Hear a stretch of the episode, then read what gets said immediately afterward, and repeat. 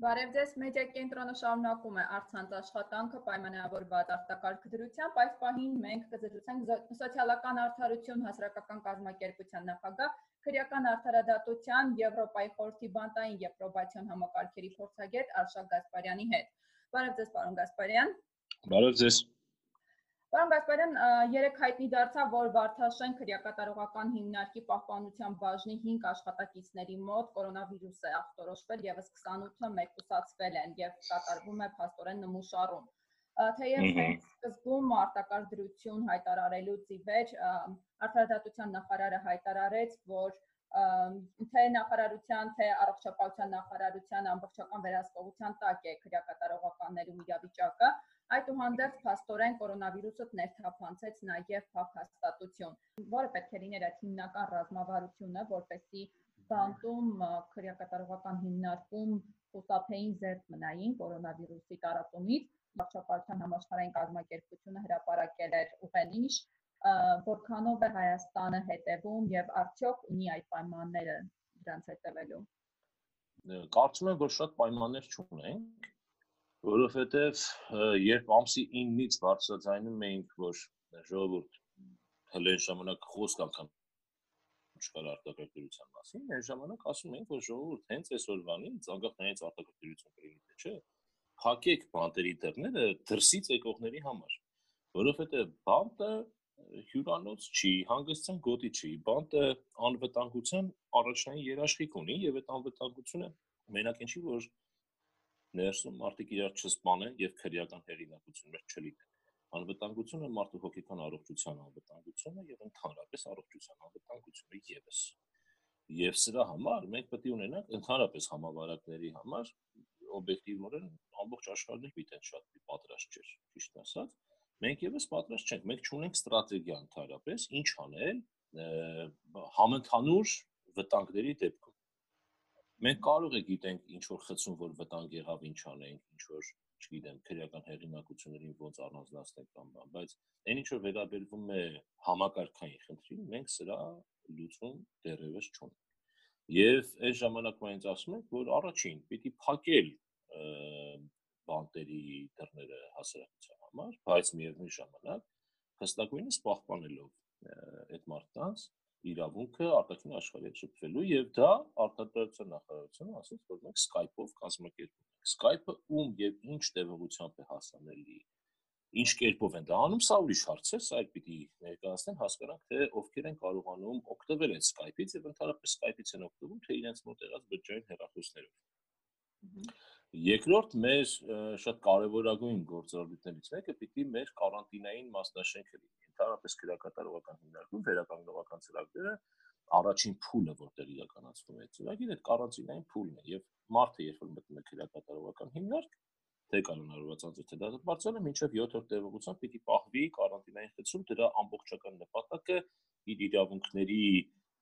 իրազեկումն է եւ նախապատրաստելը ազատազրկման կյանքին մոտավորապես այսպես երկու խոսքով ասեմ, բայց հիմա պիտի ունենանք այդ կարանտինային մասնաշենքը, որպեսզի այդ մարդիկ չշփվեն, քանի դեռ բժշկական համապատասխան ախտորոշումներ չեն ածել, այդ մարդիկ չշփվեն բնակելի գոտու մյուս ազատազրկվածների հետ։ Տարբեր երկրներ ընտրում են նաև հետևյալ մոդելը, որ նույն միևնույն թերակատարողական հիմնարկում առանձնացնում են բլոկներ կամ մասնաշենքեր, որոնք կարանտինային են համարվում, այն իմաստով, որ բոլոր այն մարդիկ, ովքեր ունեն ուրեմն հնարավոր ախտանիշեր այս հիվանդության, տեղափոխում են այդ մասնաշենք եւ միջև լավանալը այդ մարդիկը տեղից դուրս չեն գա։ Մենք պիտի ունենանք այսպիսի մասնաշենքեր, իսկ այդպիսի մասնաշենքը այդ հնարավորությունը տալիս է ազատազրկվածների միմյանցից ազատ պահելու, անջատ պահելու մեր քրեակատարողական օրենսգիրքը 68 հոդվածը ունի իրարից անջատ պահելու սկզբունքներ, ովքեր են իրարից անջատ պահում, եւ հենց այդ անջատ պահելու սկզբունքների հիմքով պիտի արվեր եւ մեր ասածը հենց այն որ տեղաբաշխման հանձնաժողովի աշխատանքը այս օրերին գոնե պիտի շատ առավել հիմնված լինի անձի ֆիզիկական եւ հոգեկան առողջությունը, հատկապես ֆիզիկական առողջությունը գնահատելու գործիքների Ոչ միայն այն հիմքով թշնամություն ունի թե չունի, ադապտացվելը որ հիմնարկում կլինի, այլ մենք պիտի կարողանայինք հատկապես տեղաբաշխման հանձնաժողովում, հատկապես բժիշկներով լեցուն հանձնաժողով ունենանք, չգիտեմ սա արել են թե չէ եթե արել են ապրեն, եթե չեն արել, կարող են անել, որովհետև շատ կարևոր սկզբունք կա։ Քրեակատարողական հիմնարկի բժշկությունը ոչինչով չպետք է տարբերվի քաղաքացիական բժշկությունից, առողջապահությունից։ Նա կարող է լինի ավելի լավը, բայց ավելի վատը երբեք իրավունք չունի լինելու։ Սա կարևորագույն սկզբունք է, որ պետք է մենք պահպանեինք։ Ես չգիտեմ պահպանել թե չէ։ Իմ կարծիքով ոչ ամենայն դեպս Եվ այստեղ շատ կարևոր հատված կա, որ կորոնավիրուսի հետ կապված մինչև այսօր ինքը ինչով է շատ մարդկանց վրա ազդում, որ նրա խոշոր հաշվով էլի ոչ նրա բուժման ճանապարհն է հայտնի, ոչ գենեզն է հայտնի, ոչ շիճուկներն են հայտնի, եւ այս անորոշությունը մարդկանց մոտ շատ մեծ անգնապներ է առաջացնում ընդཐུպ մինչև էգզիստենցիալ վախեր, վախեր մահվանից եւ այլն եւ այլն եւ այն ապրումները, որ կարող ենք ունենալ մենք անգամ մեր բնակարանում փակված մեր հարազատների հետ խոսելով, որտեղ ունենք այդ հնարավորությունը, ազատազրկվածները չունեն եւ այս երկխոսությունը ազատազրկվածի եւ նրա հարազատների հետ պարտադիր է, սա նշանակում է նաեւ ենթա պայման, ենթա ուրեմն առաջարկ որ արվել էր, որ เป զի քրեակատարողական ծառայողները ուղն ու ծուծով իմանան ինչ է այս կորոնավիրուսը, ինչպես է ան փոխանցվում, ինչպես է նա ձեռք բերվում եւ իրենք առաջի հերթին իրեն ամենազգոնը, ամենա, որովհետեւ իրենցից է կախված յուրաքանչյուր ազատազրկվածի բարեկեցությունը։ Այդ քրեակատարողական հիմնարկում։ Իսկ մենք այսօր տեսնում ենք, որ վարակվել է աշխատակիցներ եւ քրեակատարողական ծառայությունը կարծես թե արդարանալու հիմքով ասում է, որ նրանք պահպանության ծառայողներ էին եւ չեն շփվել ազատազրկվածի հետ։ Հարգելիս, դա ինքնոխոստովանական ցուցմունք է, որովհետեւ շատ ավելի վատ որ այդպես է։ Ուրեմն նրանց շփման միջավայրը շատ ավելի մեծ է։ Եւ պետք է հասկանալ թե ինչ կերպով այդ 5 հոգու մոտ ընդհանրապես բացահայտվեց այդ կորոնավիրուսը, ինչպես բացահայտվեց, բայց հայտեցիք որ այդպես է, եւ ինչ եւ այդ նույն կերպը պիտի մենք կարողանանք տարածել 2500 հոգի աշխատակիցների վրա որովհետև չի բացառվում, որ այդ նույն պահպանության բաժնի աշխատակիցները շփվել են նաև ռեժիմային գոտում, բնակելի գոտում աշխատողների հետ, ովքեր տարածել են հիվանդություն ազատազրկման վայրերում։ Եվ սա շատ ավելի վտանգավոր է ըստ էության, էլի։ Եվ այս տագնապների իմաստով այդ մեր քրեակատարողական ծառայողները այդ թվում ամենակարևորը սոցիալական հոգեբանական եւ իրավական աշխատանքների իրականացող ստորաբաժանումն է պիտի հնարավորինս իրեն համար եւ ազատազրկվածի համար անվտանգ պայմաններում այդ թվում եթե անհրաժեշտություն կա պիտի ստեղծվեին ապակյա միջ միջ նորմեր որոնց միջոցով հոգեբանը կարողանա աշխատանք իրականացնի եւ այս աշխատանքը շատ կարեւոր է ազատազրկման վայրերում եւ սա ոչ միայն կանխարգելում է հենց դիցուկ կորոնավիրուսը այլ ինքը բանտի ներքին անվտանգության եւ հոգեկան առողջության տեսակետից հոգեկան անվտանգության պաշտպանությունն է, որը եւս ես վստահ չեմ, որ այդպես իրականացվել է։ Նույն կերպ պիտի սահմանափակում լիներ, որոնք արդեն սկսեցին անել ապսի 16-ից արտակարգության ժամանակ բաց տիպի ուղիչի հիմնարկներում պիտի կարողանանք սահմանափակումներ մտցնել եւ բայց այդ սահմանափակումները պիտի լինեն շատ անհրաժեշտ ու նպատակային, այսինքն հաշվի առնելով որ քրակատարողական հիմնարկները միշտ էլ վտանգավոր են, որ կարող են իզոլացիաներ անել ան տրամաբանական կամ չարթարացված հիմքերով, անպայման մարդու իրավունքների պաշտպանը հա դիտորդական խումբը իր հասարակական վերահսկողությունը դիտորդական խումբը միշտ պիտի իրենց աչքերն ու ձեռքերը ունենան բանտում բոլոր այսինքն նրանց պիտի տրվի այդ իրավունքը որ เป զի նրանք իրականացնեն ան, անընդհատյա մշտադիտարկումներ, որը որ เป զի որևէ մեկը կորոնավիրուսի պատժվակով հանկարծ չտարվի ինքնամեկուսացման կամ չմեկուսացվի որպես պատիժ կամ անմարդկային վերաբերում։ Այսինքն այդտեղ այլ ռիսկեր են կան։ բազմաթիվ ռիսկեր կան, որովհետև սա փակ հաստատություն է, այդ ռիսկերը միշտ կան անկախ կորոնավիրուսի կամ այլ վիրուսի արկայությունից եւ դրա համար ազգային կանխարգելման մեխանիզմը անում է այդ գործառույթը, ես գիտեմ, որ նրանք բարբերաբար դեպք են գործում քրակատարողական հիմնարկներ, բայց նաև հասարակական վերահսկողություն իրականացնող դիտորդական խմբին պետք է տալ այդ մանդատը, որպեսզի նրանք նաև այս օրերին կարողանային մուտք գործել եւ առաջին հերթին պաշտպանեին այդ մարդկանց իրավունքները ազատազրկման վայրերում եւ երկրորդը հասարակությանը իրազեկեին ազատազրկման վայրերում այսօր արկա իրավիճակի մասին։ Սա շատ կարևոր է, որը արտադրության նախարարության ուսերին է եւ նա չի անում։ Դա հասարակության հետ արագ, անկեղծ, թափանցիկ ու ազնիվ երկխոսությունն է, որը մինչև այսօր չկա։ Ա, որովհետեւ այդպես էլ բանտերը մնացել են այսպես վերջին պլանում, որովհետեւ ենթադրում եմ, որ այնտեղ կարող են լինել մարդիկ ովքեր մտածեն, որ քաղաքացիներին եկեք օգնենք, միջև կհասնենք բանտեր եւ սա ամենավտանգավոր մտածողության ձևն է, որ կարող է արկա լինել, կամ անում են ինչ որ բաներ, կարող է շատ ճիշտ են անում եւ փառքաստու եթե անում են ճիշտ, որի մասին տեղեկություն չկա։ Իսկ ելի եմ ասում, ընդհանրապես համավարակների, համաճարակների եւ համապարփակ ընդհանրապես համակարգային ինչ որ բաների աղետների խնդրումը նրանում է, որ անորոշությունը շատ է, իսկ ինչքան անորոշությունը շատ է, մարդկանց ձևաբան է, գործի է գրվում ոչ թե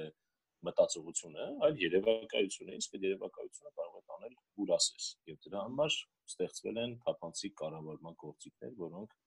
պիտի արտադրության նախարարությունը եւ քրեակատարական ծառայությունը իր հերթին պիտի լինեն շատ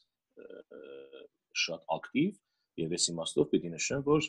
շատ ցանկալի է որ քրեակատարական ծառայության լրատվական բաժինը լինի շատ ավելի անկախ, քան արդարադատության նախարարության գործելագործն է։ Շատ անկախ նկատի ունեմ, որ արդարադատության քրեակատարական ծառայությունը ինքը բացի նարկոտիկ բռնելը շատ այլ բաների մասին մեզ պիտի տեղեկացնի, թե ինչ է կատարվում այսօր քրեակատարական հիմնարկներում, այդ թվում parzaguin ուղղակի իրենց հարազատներին հանգստացնելը, որ կարծես թե ամեն ինչ նորմալ է եւ այլն եւ այլն, բայց դա դիլնի հիմնավորված, որը եւս չկա։ Պարոն Գասպարյան, իսկ եթե կալանավորը բարակվի, ամեն դեպքում աստվածա իհարկե սխալվենք, այս պարագայում նրա բուժման ինչ ընթացակարգ է ենթադրվում, նա պետք է բուժումը ստանա քաղաքացիական հիվանդանոցում, ոչ, ինֆեկցիոն ոչ, ոչ, ոչ, ոչ, ոչ, ոչ, ոչ։ Բանտային համակարգի հենց հենց միտքը նա է, որ դու ունենաս այնպիսի առողջական համակարգ առողջապահական համակարգ, որը չի տարբերվում քաղաքացիականից եւ պիտի ունենաս այն բժիշկները, իսկ մենք ունենք դատապարտությունների հիվանդանոցում առնվազն, եւ այս նոր բժշկական փողակը քրեակատարական բժշկության փողակը, որը ստեղծվեց, պիտի որ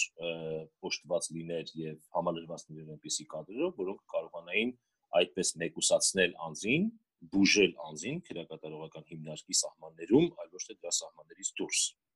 Իհարկե ծայրահեղ դեպքում, եթե բանտային բժշկությունը չի ձգում, չի կարողանում արդարացնել սպասումները հիվանդների, թե այո, մենք ունենք նաև նրա դրա իրավական կարգավորումները, տեղափոխում են քաղաքացիական հիվանդանոց, բայց այսօր չեմ կարծում դրա կարևոր դրա բանը կա, հնարավորություն է, որովհետև անգամ քաղաքացիական հիվանդանոցներում կարծես թե արդեն տեղերը սկսում են այնքան ժամանակակիրներ, որ համալիրենք մենք կառուցում դրա, այսպես համալիրենք կահավորում հատուկ այդպիսի բանի համար, բայց ստանդարտի տեսակետից պիտի անձը բուժվի տվյալ քրակատարողական հիմնարկում։ Այս պարագայում հաշվի առնելով այն հանգամանքը, որ մշտապես դուք ինքներդ եք բարձրացնում եք, որ թեև պետք է չտարբերվի բանտերում առողջապահությունը, բժշկական օգնությունը, բայց այդուհանդերձ տարբերվում է, այս դեպքում ինչ մարտահրավերների կարող ենք հանդիպել։ Մարտահրավերները եկեք այսպես անենք, եկեք շատ որովհետև ըստ էության ձեր հարցի մեջ նաև պատասխան կա, որովհետև այդ նույնն է ինչ որ հասարակությունում Թորոսյան Արսենը երբ որ ասում էր երեք ակնարկեց մեզ, որ կարող է ինչ որ կետի հասնենք, որից հետո արդեն անվերահսկելի լինի, որովհետև հիվանդացածների վիճակը շատ ավելի արագ է սրվելու, այսինքն հիվանդությունը շատ ավելի արագ է լինելու, քան բուժումը այդ այդ ակնարկը արդեն եք նա արեց եւ եկեք կանխատեսումներ չանենք, որովհետեւ պատկերացնում եք այսպես 2000 500-ի կարգի ազատազրկված ունենք, մոտ այդքան էլ աշխատակից ունենք, այդ նշանակում է հանած վարչությունն է ենթադրենք 170 հոգի մարդ, 150 մնացած բոլորը պոտենցիալ բարակակիրներ են։ Սա ծայրահեղ ուրեմն բան է, կանխատեսում, բայց եկեք ոչ թե ենթադրություններ կանխատեսումներ անենք, այլ փորձենք այդ ռիսկերը նվազեցնել, որովհետև համակարգերի թե որովհետև նկատի ունեին։ Նույն այդ հա, հա, դե համակարգի թերությունները բոլոր փակ համակարգի թերություններն են դիտան եւ այստեղ օրինակ բացառությամբ Նյու Յորքի, որը բավականին լուրջ թեստավորման համակարգ էր փորձում ներդնել իրավոտ եւ ոչ միայն թեստեր է գնել, այլ քրեակատարական հիմնարկ մուտք գործող ցանկացած անձի ով գալիս էր տեսակցության եւ մինչեւ այսօր էլ բան է մի ամբողջ հարցաշար է լրացնում էկողանձը օրինակ տեսակցության ինչ սիմպտոմներ ունի վերջի անգամ երբ հաստուկվել ինչ հիվանդություն է ունեցել այսօր ինչ հիվանդություն ունի ում հետ է շփվել արդյոք կորոնավիրուսով հիվանդացած է շփվել թե չէ արդյոք շատ հազացող մարդ է շփվել թե չէ սրանք բոլորը հարցեր են որոնք այսօր կորոնավիրուսով է պայմանավորված բայց ես ձեզ ասեմ որ ընդհանրապես համաճարակի եւ վարակվածության տեսակետից բանտերը շատ խոցելի են ընդհանրապես փակ հաստատությունը եւ մենք ընդհանրապես պիտի ունենանք առողջապահության անվտանգության բան, էլի ստրատեգիա։ Մենք մենք ինչ ենք անելու այս դեպքերում։ Հիմա օրինակ նույն Աբովյան քելակատարողական հիմնարկը, որտեղ կանայք կարող են եւ նրանց նկատմամբ վերաբերմունքների վայր պիտի լինի եւ անչափահասների տարավել։ Եվս այդ նույն կանայք կարող են արտադրել նույն բաները, դիմակները եւ բաները, ձեռնոցներ, այդ նույն կիսաբաց տիպի ուղիչ հիմնարկներում կարող են արտադրել անգամ ալկոգել, որովհետև եթե անձը դուրս է եկել կիսաբաց ուղիչ հիմնարկ կամ բաց տիպի ուղիչ հիմնարկ, սա վտանգավորության շատ ցածր աստիճան է ենթադրում եւ առնվազն բաց տիպի ուղիչ հիմնարկում կարելի է դնել ալկոգելի արտադրամաս։ Այսինքն սրանք բաներ են, որոնք պետքա շատ արագ կորոնավիրուսը մենակ ցավ, վիշտ եւ տարապանք չի, սա մեծ հնարավորություն կա, որ այն ոչինչ չանող աջակցություն դատապարտալին հիմնադրամը առ այսօր ոչինչ չարած եւ չանող ի վերջո տեղից պիտի շարժվի եւ այն բավականաչափ բյուջե, որ ինքը մշտապես ունենում է, ոչ թե հաց թուխ հացի արտադրամասի վրա ծախսի, այլ իրապես ծախսի բաների վրա, ազատազրկվածների զարգացման վրա։ Եվ այսօր մենք պիտի օրինակ Իտալիայում վերականգնողական ծրագրերը դատապարտյալները դադարեցրեցին եւ դա բավականին լուրջ բունտի առաջ բերեց բանտերը եւ մենք քանի որ դեռևս կամ արդեն ճունենք գերբնակեցման խնդիրներ մեր քրեակատարողական հիմնարկներում մենք ավելին մենք այսօր վատնում ենք պետության բյուջեն, որովհետև մենք հիմնարկներ ունենք, որտեղ աշխատակիցների թիվն ավելի շատ է, քան ազատազրկվածներին է։ Այդպիսի ճոխություն թույլ է տալիս իրան մենակ Նորվեգիան, ենթադրենք բայց մենք այսօր ունենք այդպիսի կարգավիճակ, այսինքն փոխանակ մի աշխատակից հսկի եւ կառավարի 3-ից 4 ազատազրկվածի, մենք այսօր ունենք ազատազրկված, որի գլխին 2-3 քրեակատարական ծառայող կանգնած, որը ենթադրում է, որ այդ մարդը կատարյալ անձ պիտի դուրս գար հասարակություն, որը մենք ինչպես տեսնում ենք, մենք ականատես չենք լինում։ Եվ այս իմաստով մեր բաները, ազատազրկման վայրերը այսօր բաներն ու ավելի շատ գումար ուտող են, քան գումար բերող, իսկ այդ արտադրամասերը կարող են շատ պիտանի լինել։ Պարոն Գասպարյան, եթե հնարավոր է նաև անդրադառնանք միջազգային փորձին, հա, տարբեր երկրներ ազատ են արտակոլ բանտարկյալներին, որպեսզի Հա, այդ միշտ են խոսում։ Լիլի ջան, հիմա տեսեք, նախ մենք այն գլխից ունենք պատժողական քաղաքականություն եւ մեր դատախազությունը շատ մի Թեպետ վերջերս սկսել են կալանավորումը որպես հապան միջոն առավել լվազգի յարել քան 2017-ին եւ 18-ին, բայց եւ այդպես մեր մոտեցումները դեռևս դեռևս բան են, աջուղական են եւ այս իմաստով օրինակ արտադրության նախարարության նախաձեռնությունը, որ գրավը որպես առանձին խափանման միջոց լինի ոչ թե կալանավորման այլ դրանք միայն, բավականին լավ գործիք է այն տեսակետից, որ դատավորները արդեն ստիպված չեն լինի սկզբից վատ թարագույնը ընտրեն, հետո լավով դուրս թողեն, այսինքն սկզբից ընտրեն կալանավորումը, հետո կալանավորման այլ ընտրեն խափան միջոց կիրառեն գրավը։ Եվ այսինքն մեր օրենսդրությունն էլ շատ մի լիբերալը չի, բայց պիտի դիտարկենք անհրաժեշտությունը։ Մարդիկ, ովքեր գոռում են եկեք Իրանի նման բաց թողենք, ժողովուրդ նախ ընդհանրապես արևելքի հետ բանտային համակարգ եւ պատիժների համակարգ առավել եւս արդարադատություն չեն համեմատվում մի արեք մի քանի անգամ այդ նույն քրեական ենթամշակույթը քրեական ենթամշակույթը քրեականացնելու մասին օրենքով հենց այդ էի հակադարձում, որ կան երկրներ, որոնց բաները, ցուցիչները չի կարելի ընդհանրապես մեր օրենսդրության մեջ մտցնել կամ հիմնավորում բերել։ Օրինակ Ռուսաստան, Վրաստան, Ուկրաինա, Մոլդովա, սրանք երկրներ են, որոնց հետ պետք չի համեմատվել, որովհետեւ դա վատթարագույն փորձն է, որ կարող ենք ունենալ, որովհետեւ ենթադրենք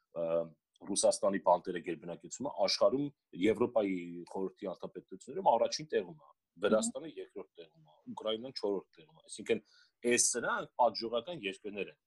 եւ երբ որ այդ ինչ որ մարդիկ բաց են թողում 80000-ով 70000-ով դատապարտություններ, պետք է հասկանալ, բայց այդ մարդիկ են չէին այդտեղ։ Մենք ունենալով պատժողական քաղաքականություն այսօրվա թվականակը, որովհետև մենք երկու տարի առաջ արեցինք ահրելի համաներում, ընդհանրապես դրա պատճառով, էլի, որովհետև հանցավորությունը չի նվազում Հայաստանում ոչ մի կերպ։ Մենք ունենք շատ բանը գերբնակեցման խնդիր չունեցող եւ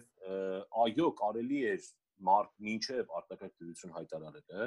ճշտել այն կալանավորված անձանց, ովքեր արել են առնվազն, այսպես ասենք, ոչ մեծ կամ միջին ծանրության արարքում են կասկածվում նրանք մինչև արտակարգ դրություն հայտարարելը երբևէ չեն ունեցել տեսակցություն կամ տեսակցություն ունեցել են ոչ վարակագրի հետ։ Այսքան վերլուծությունից հետո այո կարելի է կանոնավորված անձանց մի մասին ովքեր կասկածվում էին ոչ մեծ կամ միջին ծանրության հանցագործություն բաց թողել։ Ահա։ Բայց սա ինքնանպատակ չի։ Դա կարելի է անել այն դեպքում, եթե դու ունես կառավարելիության տակ գտնվող, վերահսկողության տակ գտնվող քաղաքներ Եթե դուք հիշում եք, մեռանք գորալով մեր վերջը բանը, որ ասացինք գոնե մարզերից փակեք, ահագին եւ ճշտամի ձեռք բերեցի դրանով, բայց հաջորդ օրը պարոն Ավինյանի որոշումով գոնե մարզերը փակվեց։ Չի կարելի համավարակ հայտարարել եւ քաղաքներից քաղաք ով երկուզի գնա գա։ Այս պարագայում ազատազրկման վայրերը, որտեղ դեռևս ես կասկած, որտեղ ոչ թե կասկածում, ես վստահ եմ, որ բոլորը թեստավորում չեն անցել Այդ չնայած հայտարարություններ եղան, որ Դե հայտարարություն եղան, որ երկու հոգու արել են, երկուսն է բացասականացել։ Համենայն դեպս այսօր պետքա տեսնել, էլի, պետքա հետ հետ գնա 14 օր ու տեսնել այդ 14 օր առաջվանից եւ դրանից էլ առաջ, որովհետեւ կորոնավիրուսը մենք արտակարգ դրություն ենք հայտարարել արդեն ուշացած։ Եվ դրանից առաջ պետքա տեսնել մենք արդյոք ռիսկային խմբում ունեցել ենք թե չէ։ Եթե մենք ռիսկ չենք ռիսկային չի լինի հիվանդություն ունեցող անձին թողնել հասարակություն, այո, իհարկե,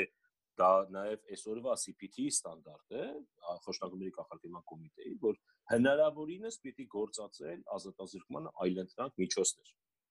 Այսօր բանտեր պետք չի լցնել։ Իսկ մեր հարգարժան արտադրության նախարարն ու նախարարությունը դեռևս ուզում են 3 գերակատարողական ստեղծել, որից մեկը 1200 հոգի եւ մի ամբողջ բանտային պրոբացիոն ռազմավարության համար 50 միլիարդ փող են ուզում մեր քաղաքացիներից։ Սա աբսուրդության, աբսուրդի ժանր է, էլի, այսպես էսպես բան չի կարելի անել ընդհանրապես։ Պարոն Գասպարյան, թե դուք նշեցիք, հա, որ կարելի է դիտարկել ոչ տանել հանցանք գործած անձանց, բայց հաշվի առնելով, որ կորոնավիրուսի դեպքում ռիսկային խումբ է համարվում տարեց եւ ուղեկցող հիվանդություն Օ, ապրեք։ Այդ ուրիշ բան ունենք։ Այդտեղ տուն թողել պետք չի, Լիլիթ ջան։ Այդտեղ մենք ունենք գործիք, որը օրինակ եվրոպական քիչ երկրներ ունեն նման գործիք, եւ դա մեր տեղաբաշխման հանձնաժողովն է։ Մեր քրեակատարական հիմնարկները, ուղիչ հիմնարկները 4-ը տեսակի են, եթե հիշում եք, չէ՞, բաց, կիսաբաց, կիսափակ եւ փակ։ Բայց դրանք իրարից տարբերվում են նաեւ բնակության ձևով։ Մենք ունենք մենք ունենք բան, բան, ինչ են ասում, խցային տիպի ուղիչ հիմնարկներ, օրինակ ձեզ համար հայտնի Արմավիրենը, Բարաշենը, Վանաձորը, Արթիկը, Հրազդանը, հա? Եվ ունենք կացարանային տիպի ուղիչ հիմնարկներ, եւ դրանք են Սևանը, Կոշը, Դատապարտյանի հիվանդանոցը, Աբովյանը, որտեղ նույն օրինակ Կոշը ենթադրենք կիսաբաց ուղիչ հիմնարկի միայն, այնտեղ փակ տիպի ուղիչ հիմնարկ չի կարող լինել, կիսաբաց ուղիչ հիմնարկի, որոնք կացարանային տիպի են, այսինքն եթե դուք երբ երբևէ եղել եք զորամասում, զորանոցներ են, բառակ կոչվածներն են, իսկ դատապարտյալները նամանավանդ վաղ գարունից մինչև ուշ աշուն հիմնականում այդ բան են բակի պլացի հատվածում են այսպես ասած զբոսնում եւ այդ հիմնարկների նպատակը գեր նպատակը նա է որպեսզի խցից խցային տիպի ուղիչ հիմնարկից անձը իր վարքի վարքային փոփոխությունների արդյունքում հասնի այնպիսի դերական փոփոխությունների, որպեսզի հիմնարկի, պետի եւ տեղաբաշխման հանձնաժողովի հանձնաժողովի որոշումներով անձը խցից դուրս գա գնա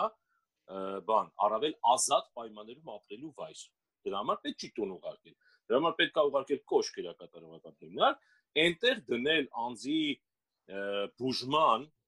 եւ թերապևտիկ, հոգեթերապևտիկ եւ անձի բուժիչ աշխատանքների վերականգնողական ծրագրեր, որտեղ այդ մարդը ամբողջությամբ կապակցվի եւ ընդդրից հասարակությունը կլինի ընդամենը 1 դուր այն երկրները, որոնք իրենց թույլ են տվել, ոչ թե թույլ են տվել, այլ ստիպված են եղել դռները բացելու, դա այն պատճառով է, որ ունեցել են ա գերբնակեցվածություն, պակաս վերասոցիալականացման ծրագրեր, թերապևտիկ բնույթի ծրագրեր, եւ այդ մարդիկ բնականաբար ասեն շնորհակալություն ստեսում, մենք ձեր վրա փող չծախսենք, գնացեք տուն, տանը ինքնամեկուսացեք, որովհետեւ մեր գերբնակեցված խցերը առավել խցային են, առավել ռիսկային են դառնում։ Իսկ մենք ունենք 1200 հոկանոց արմավիր որից 800-ն ենք օգտագործում, այն դեպքում, երբ որ Նուբարաշինը 300 հոգի մարդ է մնացել ազատազրկված ու չենք կարողանում նրանց բերել բնակեցնել, որ ընդամենը 1 մասնաշենք ու կես է այդ 300 հոգի։ Ամեն մասնաշենք հարմարվիրում 200 տեղ է։ Այսօր դրա հիմքով նոր քրեակատարական հիմնակ են ուզում բացել։ Մեր ծերերը եւ տարեց մարդիկ, ովքեր առավել խոցելի են, նրանք պիտի ոտքից գլուխ շատ մանրամասն, շատ ավելի ուրեմն մանրակրկիտ կերպով պիտի հետազոտվեն, պիտի առավել մեծ ուշադրության տակ լինեն եւ անընդհատ լինեն բժշկի հսկողության տակ եւ հնարավորության դեպքում օրենքի, եթե օրենքով հասել է իրենց պատժի կրման ձևը փոխելու ժամկետը, ապա խցային տիպից, օրինակ կիսափակ կամ փակ տիպի ուղղություններից, պիտի ուղարկել կիսաբաց տիպի ուղղություններ երեք կարծեմ Լոռու մարզի ընդհանուր իրավասության դատարանը որոշում կայացրեց փոխել Վահագն Աբգարյանի խափանման միջոցը իրարել գրավ եւ ընտիր ընտիր որոշում էր քրոնիկ հիվանդություններն էին, հա, հիմնավորումը, որ խոցելի են դարձնում կորոնավիրուսի տարածման պայմաններում սա արդյոք կարող ենք համարել նախադեպ եւ արդյոք պետք է կիրառվի նաեւ մյուս կանոնավորվածների նկատմամբ։ Այո, եւ դա ես կիսվել էի իմ Facebook-յան մեջում, որովհետեւ ճիշտ ասած ես այս վերջի մի տարի մի քիչ հետո մենք էլ դատական ակտերը կարդալու տեսակետից հայաստանյան եւ հեսա հետ կգամ կգնեմ քունի մեջ, բայց սա ինձ համար հետաշաքարային դիաբետը, որը ուղիղ կապել էր դատավորը, ես չեմ կարդացել, դրա համար գրել եմ։ Եթե այդտեղ իր փաստաբանը գրել էր որ դատարանը Վահագի շաքարային դիաբետ ունենալու հանգամանքը դիտարկել է կորոնավիրուսով հարակվելու ռիսկային գործոն, եթե չեմ սխալվում, չէ՞, այսպեսի բան է, եւ այդպես գրավը ազատ է արձակել, այսինքն գրավը գրակիրարել գրավ կանոնավորմանը այլն եւ եթե սա հնարավոր տարբերակ է եւ եթե սա դատական ակտով ֆիքսված բան է, սա բոլոր փաստաբան ընկերներից կոչ եմ անում եւ արդեն երեկվանից դա արել եմ իրենց վստահորդներին անպայման դիմեն դատարան եւ այդ նույն հիմքով եթե դատախազը չի բողոքարկի եւ այդ դատական ակտը ուժի մեջ է միանգամից ուժի մեջ է մտել ապա այդ նույն հիմքով այդ նույն նախադեպով մնացած կալանավորված անձանց համար եւս կարող է գործել դա հատկապես այս ծորվա կորոնավիրուսով պայմանավորված իրավիճակում Շատ լավ, պարոն Գասպարյան, որպես ամփոփում, հա, դուք գրեթե ամբողջ հարցազրույցի ընթացքում նշում եք պետք է, պետք է այսպես արվի։ Այդուհանդերձ ինչ եք կարծում նախարարությունը ընդհանուր պատկան մարմինները որքանով են, հա, դիապետում այդ ճանապարհային քարտեզի լուծումների։ Ես էսպես փորձ եմ ասել, էլի, այս բան կենսական լեզվով էս նեղ մաջալին այս այս ծանր օրերին ես չեմ ուզում մեղադրանքներով ոչ սկսել, ոչ ավարտել խոսքս։ Միևնույնն է, ուզում եմ հավատալ, որ ինչ որ քայլեր, ինչ որ հնարավոր է անում Ես ընդհանրապես կոչս հետեւյալն է, որ արդարացումներ ես սեփական չարածը արդարացնելու կամ ինքնապաշտպանվելու այս ստրատեգիան պետք է դադարեցնել եւ լինել մաքսիմալ անկեղծ եւ պետք է մաքսիմալ օգտագործել Հայաստանում արկա ռեսուրսները։ Հայաստանում կան ամեն ոլորտից, չգիտեմ, նույն գյուղատնտեսություն, կրթություն, սպառողների իրավունքներ, պատիժների կատարման համակարգ եւ այլն, ինչ որ թիվ կառույցներ եւ ինչ որ թիվ մարդիկ, ովքեր կարող են պիտանի լինել։ Այդ հայաց մենք այդքան ճոխ չենք ապրում, որ เป զի պարփակվենք եւ պատկերացնենք, որ մենակ մեր գիտելիքը ամենալավն ու ամենաուժեղն է։ Դրա համար կան բոլոր նախարարներին կից հասարակական խորհուրդներ։ Դրա պետք է հավաքել այդ մարդկանց եւ այդ մարդկանցից խորհուրդ հարցնել։ Եվ եթե այդ մարդիկ կասեն ինչ որ բաներ, որոնք դուք բաց եք թողել ձեր պատկերացրած իդեալական մտքերում, այդ պետք է անել շատ արագ։ Ուղղակի սեփական ուժերը գերագնահատել չարժի գոնե այս փոփոխված Հայաստանում, փոփոխված իշխանության Հայաստանում չարժի դա անել։ Եվ ընդհանրապես ուղղակի ցանկալի է լինել հնարավորինս անհրաժեշտություն է ճիշտ երկխոսություն կազմակերպել քաղաքացու հետ սեփական ոլորտից ոչ թե բժշկ առողջապահության համակարգի ինչ է ասում եւ այլն եւ այլն, այլ կոնկրետ մեր